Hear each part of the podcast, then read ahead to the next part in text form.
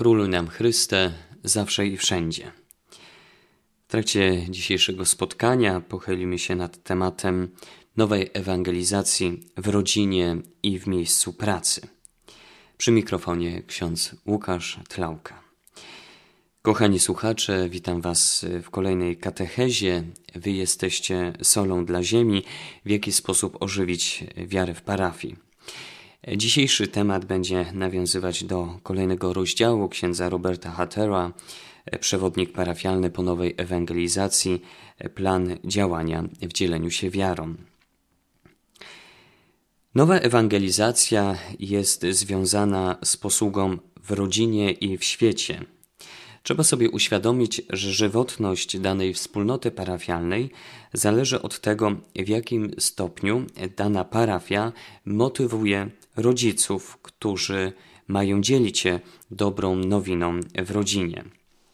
Ksiądz Robert Hutter w swojej książce podaje taki przykład ze swojego życia. Kiedy byłem małym chłopcem, babcia wystawiała czerstwy chleb dla ptaków ogródku za domem, zwłaszcza podczas zamieci, oraz rozdawała wiele z tego, co posiadała potrzebującym. Jej miłość i wdzięczność za otrzymane błogosławieństwa wzbudzały we mnie szacunek do przyrody, zwierząt i ludzi. Gdy tak myślę o tym wszystkim, co robiłam, zastanawiam się, czy to nie wczesne lata jej życia, gdy jako mała dziewczynka razem z rodziną musiała opuścić Holandię i wsiąść na statek płynący do Stanów Zjednoczonych, sprawiły, że okazywała tyle współczucia i wdzięczności. Opowiedziała mi, że tamtą podróż odbywali na dnie statku, w części, w której znajdowały się bagaże i pozostały, pozostały ładunek, i jak podczas sztormu musieli wyrzucić większość swojego dobytku, żeby statek nie zatonął. Opowiadała też o trudnych pierwszych latach w tym kraju, gdy jej matka, a później ona sama, musiała pracować jako pomocnica opiekunek do dzieci u zamożnych ludzi. Wydaje się, że to, czego doświadczyła babcia, nauczyło ją rzeczywiście doceniać przyrodę i ludzi, a zwłaszcza najmniejsze z bożych stworzeń. Jako małe dziecko kochałem moją babcię i dużo się od niej nauczyłem, pomimo tego, że nie była wykształcona. Na swój prosty sposób i przez swoje współczucie, wdzięczność i miłość ewangelizowała mnie. Moi rodzice poszli za dobrym przykładem babci. Dali mi kochający katolicki dom, a gdy dorastałem, i mama, i tato czytali mi historie biblijne i uczyli mnie o Jezusie. To umocniło przykład babci z perspektywy historii zbawienia. Te wszystkie doświadczenia dały mi głębokie zrozumienie Królestwa Bożego na długo przed tym, jak odkryłem jego znaczenie w Biblii. Ewangelizacja więc rozpoczyna się w rodzinie. W rodzinie siane jest ziarno, które ma wydać wspaniały plon. Te ziarna to uśmiech matki, zaangażowanie i poświęcenie ojca, to okazywana miłość i doświadczenie wierności. Członkowie rodziny są zaproszeni, aby okazywać sobie nawzajem, nawzajem miłość. Fundamentem więc y, nowej ewangelizacji jest rodzina, ponieważ w niej, tak jak to już wspomniałem y, na ostatniej katechezie, y, ma być głoszone słowo, liturgia i posługa, posługa wolontariatu. I to właśnie w rodzinie głoszona jest katecheza wspólnotowa i indywidualna to w rodzinie można celebrować tajemnicę wiary poprzez liturgię, liturgię rodzinną, i to w niej można doświadczać wsparcia. W nowej ewangelizacji należy odkrywać, że parafia ma swoich partnerów. Tymi partnerami jest rodzina oraz świat. Wszyscy są partnerami. Parafie, rodziny, świat. Zatem w rodzinie dokonuje się nowa ewangelizacja w codziennym życiu. Ewangelizacja jest inkarnacyjna, to znaczy jest wcielana, jest bardzo konkretna i ona może dokonywać się właśnie w rodzinie. Rodzina chrześcijańska jest korzeniem nowej ewangelizacji. Bardzo pięknie można mówić o rodzinie jako kościele domowym. Kościół, który jest domowy, w którym ważne są relacje rodzinne, a w rodzinie może być różnie, ponieważ w niej objawia się wzrastanie, radość, sukces, także porażka, ale także doświadczenie życia i śmierci. Pięknie o tym mówi ksiądz Robert Hutter, kiedy opowiada historię związaną z chorobą swojego e, ojca. Mianowicie w jego książce czytamy takie słowa. Mój ojciec miesiącami leżał w szpitalnym łóżku. Jednego zimnego styczniowego popołudnia wraz z mamą i moimi siostrami Marianne i Joanne odwiedziliśmy go. Uśmiechnął się i poprosił o wózek. Mama przewiozła go do okna. Marianne i ja byliśmy świadkami epifanii miłości, gdy mama i tato trzymali się za ręce w świetle słońca. Jego zmarszczki i wysiłek przemieniły się, wyrażając głęboki pokój. Rozmawiali półgłosem. Marianne zwróciła się do mnie. Bob, gdy tak na nich patrzę, to myślę, że wszystkie te miesiące bólu, które przeżyliśmy, były tego warte. Tamta chwila pokazała nam, jak głęboka radość przychodzi często po okresie walki i poświęcenia. I gdy tak wtedy razem siedzieli, to nie miało znaczenia, że tato nie był uczesany, a mama miała na sobie starą sukienkę. Głęboko odczuwali swoją wzajemną obecność i nic innego dla nich nie miało znaczenia. Zobaczyłem, jak to, co najpiękniejsze, urzeczywistnia się w najprostszy ze sposobów i jak Bóg odsłania boskie piękno, gdy prości ludzie promieniują naturalną miłością. Wtedy Bóg daje wolność zasadzoną na wyzwoleniu od grzechu, przyjemności i tego, co światowe. Taka wolność sprzyja uzdrowieniu i uzdalnia nas do odkrywania pięknych chwil. Nasza wspólna historia pozwoliła nam odkryć takie chwile. Rzeczywiście, wszystko ma swój czas. Tamten dzień z mamą i tatą był naszym czasem pięknych chwil. Ważne jest też e, odkrycie, że mamy różne doświadczenia w rodzinie, zarówno pozytywne, jak i negatywne. Istotne jest jednak odkrywanie tych wydarzeń pozytywnych. Kolejny przykład księdza Roberta przedstawia nam w następujący sposób ten wymiar. Ed, mężczyzna niepełnosprawny umysłowo, zaczął chodzić na msze święte w parafii, w której posługiwałem. Od jednego z parafian dowiedziałem się, że Ed był ochrzczony w kościele katolickim i chciał przyjmować komunię razem ze wspólnotą parafialną, która go przyjęła. Ed nie miał żadnego formalnego przygotowania religijnego, ale ku mojemu zdziwieniu znał podstawowe prawdy wiary katolickiej. Szybko zdałem sobie sprawę z tego, jak wnikliwie potrafił rozumować. Gdy zapytałem go, jak dowiedział się o wierze katolickiej i skąd ma takie pozytywne podejście do życia, Ed odpowiedział po prostu: Od babci. Mieszkam z nią od 33 lat. Nauczyła mnie wszystkiego, co wiem. Ed był bardzo zakochany w Bogu i nie byłoby dobrze w dalszym ciągu wstrzymywać go przed przyjęciem komunii. Następnej niedzieli z radością przyjął swojego Pana i przyjmuje go do dziś. Ten przykład y, związany właśnie z Edem ukazuje nam, że w każdej rodzinie możemy dostrzegać pozytywne doświadczenie, też doświadczenie przekazu wiary. Bóg jest obecny w relacjach rodzinnych i ważne jest, aby uczyć tego każdą rodzinę. To jest wymiar właśnie nowej ewangelizacji.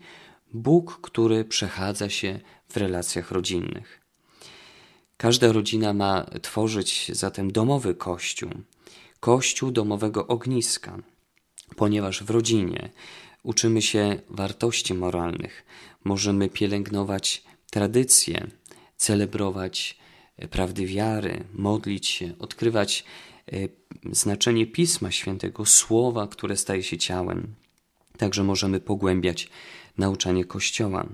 To wszystko może realizować się w każdej rodzinie. Zatem osoby zaangażowane w duszpasterstwo, w nową ewangelizację, są zaproszone, aby służyć rodzinom.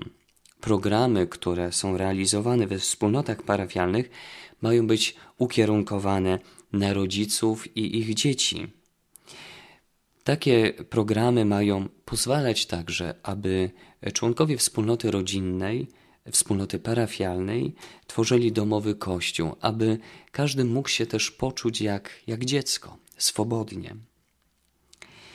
Oprócz wymiaru rodzinnego nowej ewangelizacji, istotne jest także to, że nowa ewangelizacja ma docierać do świata, także do y, miejsc pracy. Jak tutaj rozumiemy świat? Pojęcie świat ma tutaj szerokie znaczenie. Y, tutaj świat rozumiemy jako coś, co jest poza rodziną i poza parafią. Zatem świat to będzie miejsce pracy, zaangażowanie społeczne, sąsiedztwo, a także wydarzenia kulturalne. Każdy z nas jest zaproszony, żeby dawać świadectwo. Nowa ewangelizacja ma docierać do świata, dlatego ma dotykać e, problemów, którym, którymi żyją poszczególni e, wierni, a także ci, którzy są poza tą wspólnotą e, parafialną. Dlatego ważny jest na przykład chociażby szacunek w okazywaniu wobec pracowników, pracodawcy. Tutaj możemy mówić o kwestiach związanych z podatkami, także kwestiami finansowymi, w jaki sposób dobrze posługiwać się pieniędzmi. Odkrywanie e, świata laickiego jako wymiaru świętości też jest bardzo ważne. Mianowicie religia ma być związana z życiem. Święty, laicki świat. Mamy więc w naszym doświadczeniu Pana Boga odnosić to do tego, czym żyjemy, w czym poruszamy się. Dlatego programy, które mają być realizowane we wspólnotach parafialnych, mają także dotyczyć tego wymiaru świata. Jednym z takich e, tematów programu może być e, posługa na rynku finansowym, następnie wzrastanie w relacji z sobą, z innymi i z Bogiem, czy też wzrastanie w związku, jego znaczenie w życiu rodzinnym i w pracy. Dlatego programy ewangelizacyjne, programy realizowane w danej wspólnocie parafialnej mają dotykać nie tylko e, rodzin, ale także świata, czyli miejsca pracy, e, miejsca związanego z zaangażowaniem społecznym, z kulturą. Posługa ewangelizacyjna w świecie ma dostrzegać zarówno elementy pozytywne, jak i negatywne danej kultury. Należy zwrócić uwagę na niebezpieczeństwo materializmu, że czasami nasze zabieganie o zarobki, o otrzymywanie coraz więcej pieniędzy e, powoduje także zaniedbywanie naszych relacji. Dlatego istotne jest odkrywanie równowagi między właśnie pracą a rodziną, ponieważ istotne są relacje, zarówno małżeńskie, rodzinne, jak i relacje związane z dziećmi. Jeżeli chodzi o elementy e, pozytywne, e, kulturę, którą, której doświadczamy, to należy podkreślić to, że wielu ludzi woła. Woła o takie wartości jak sprawiedliwość i miłosierdzie. Także w społeczeństwie realizowane są również e, inicjatywy związane z docieraniem do ubogich. Dlatego osoby zaangażowane w nową ewangelizację mają dostrzegać właśnie to wołanie ludzi o sprawiedliwość i miłosierdzie, docierać do tych osób, które pomagają ubogim, czy to w szkołach, mm, czy w różnych instytucjach, e, różnych fundacjach, centrach handlowych, aby również docierać do e, ubogich. Też ważne jest podkreślenie dzielenia się talentami. Taki przykład podaje ksiądz Robert Hutter w swojej książce. Jim, którego przedmiotem kierunkowym była matematyka, skłaniał się ku zmianie głównego przedmiotu. Wielu jego przyjaciół pracowało jako wolontariusze w ubogiej dzielnicy miasta, lecz on sam nie miał czasu, żeby do nich dołączyć. A skoro czuł, że powinien robić coś więcej dla ubogich, to myślał o zaangażowaniu się w pracę społeczną. Wahał się jednak, ponieważ miał same piątki i naprawdę kochał matematykę. Porozmawiałem z Jimem o jego obawach. Powiedziałem: Tylko ty możesz podjąć decyzję, co zrobić. W swoich modlitwach pamiętaj, że Bóg pobłogosławił ci, dając talent matematyczny i być może wzywa cię do życiowego dzieła bycia jak najlepszym matematykiem. Pomyśl o tych wszystkich ludziach, którym mógłbyś pomóc, jeśli wykorzystasz ten talent dla postępu ludzkości poprzez swoje odkrycia. Jim pozostał przy matematyce i zrobił doktorat. Teraz jest profesorem na dużym uniwersytecie stanowym, daje wiele wykładów w kraju i za granicą, a w swojej pracy kieruje się wartościami chrześcijańskimi. Na swój sposób Jim ewangelizuje, wpływając na decyzje podejmowane w firmach. Nie byłoby to możliwe, gdyby nie rozwinął swojego talentu matematycznego. Jego historia jest dla nas zaproszeniem, abyśmy używali talentów danych nam przez Boga do służenia innym.